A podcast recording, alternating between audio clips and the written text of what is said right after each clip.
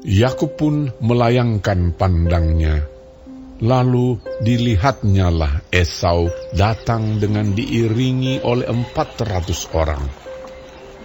Maka diserahkannyalah sebagian dari anak-anak itu kepada Lea, dan sebagian kepada Rahel, serta kepada kedua budak perempuan itu. Ia menempatkan budak-budak perempuan itu beserta anak-anak mereka di muka. Lea beserta anak-anaknya di belakang mereka, dan Rahel beserta Yusuf di belakang sekali.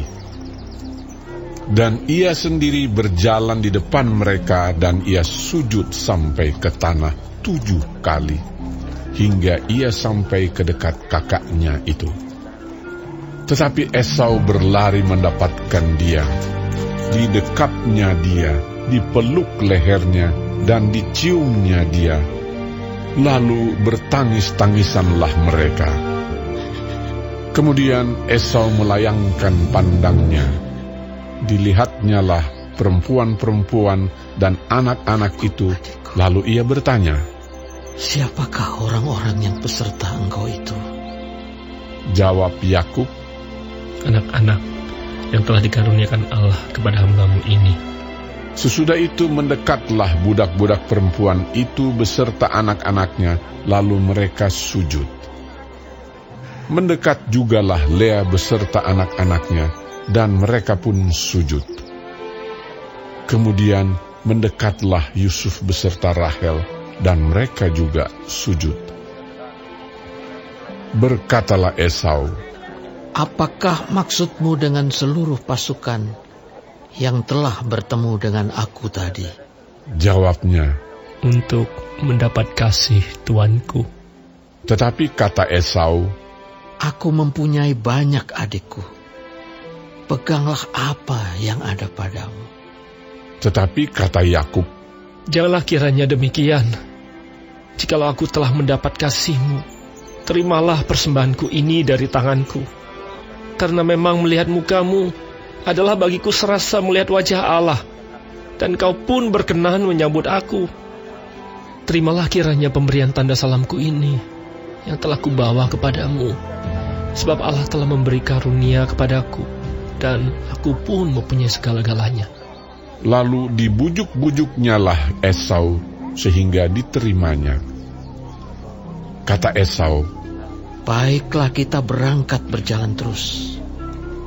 Aku akan menyertai engkau. Tetapi Yakub berkata kepadanya, Tuanku maklum bahwa anak-anak ini masih kurang kuat dan bahwa beserta aku ada kambing domba dan lembu sapi yang masih menyusui. Jika diburu-buru, satu hari saja maka seluruh kumpulan binatang itu akan mati.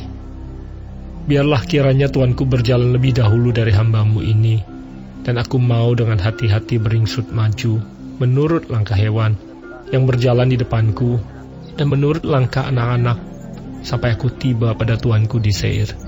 Lalu kata Esau, Kalau begitu, baiklah aku tinggalkan padamu beberapa orang dari pengiringku. tetapi Yakub berkata, Tidak usah demikian. Biarlah aku mendapat kasih tuanku saja. Jadi pulanglah Esau pada hari itu berjalan ke Seir. Tetapi Yakub berangkat ke Sukot, lalu mendirikan rumah, dan untuk ternaknya dibuatnya gubuk-gubuk. Itulah sebabnya tempat itu dinamai Sukot. Dalam perjalanannya dari Padan Aram, sampailah Yakub dengan selamat ke Sikem di tanah Kanaan. Lalu ia berkemah di sebelah timur kota itu.